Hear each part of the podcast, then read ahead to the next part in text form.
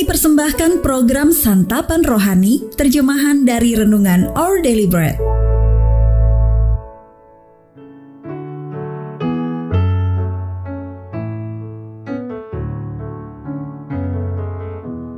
Sahabat ODB, pembacaan Alkitab hari ini terambil dari Efesus pasal yang kelima, ayat yang ke-15 sampai dengan ayat yang ke-17.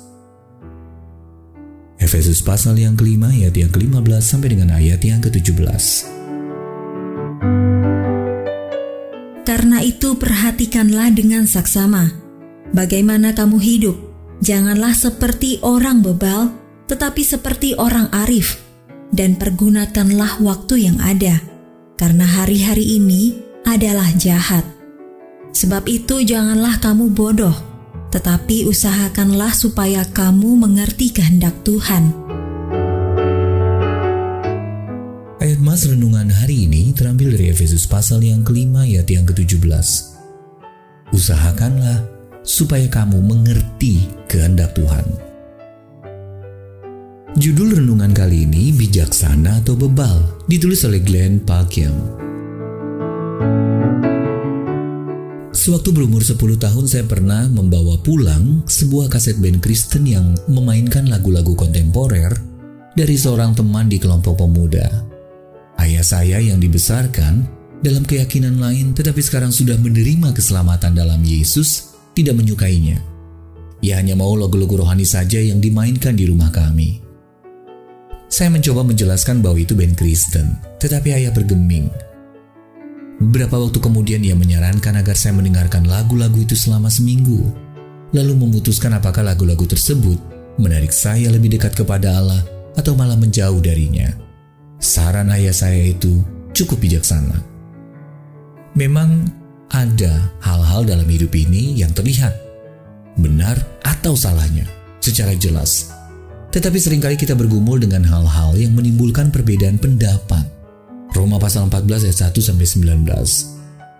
Saat memutuskan apa yang akan dilakukan, kita dapat mencari hikmat dalam Alkitab.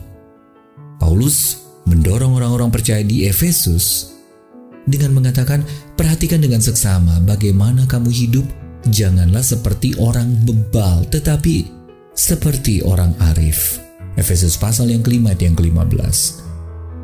Seperti orang tua yang baik, Paulus tahu bahwa ia tidak mungkin berada di sana atau memberi instruksi untuk segala situasi.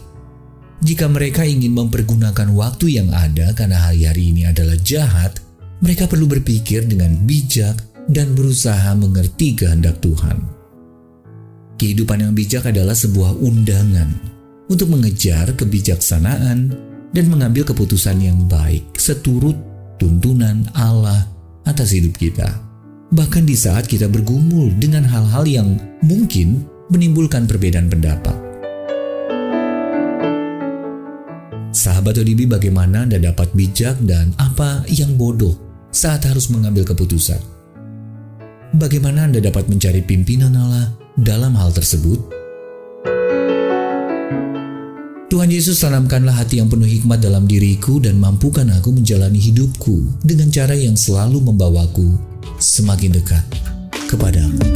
Our daily bread ministries Wartakan firman pada dunia. Jika Anda ingin mendapatkan buku renungan ini dalam bahasa Indonesia, Inggris, atau Mandarin, WhatsApp kami di 0878 78789978 atau email indonesia@odb.org dan kunjungi website santapanrohani.org.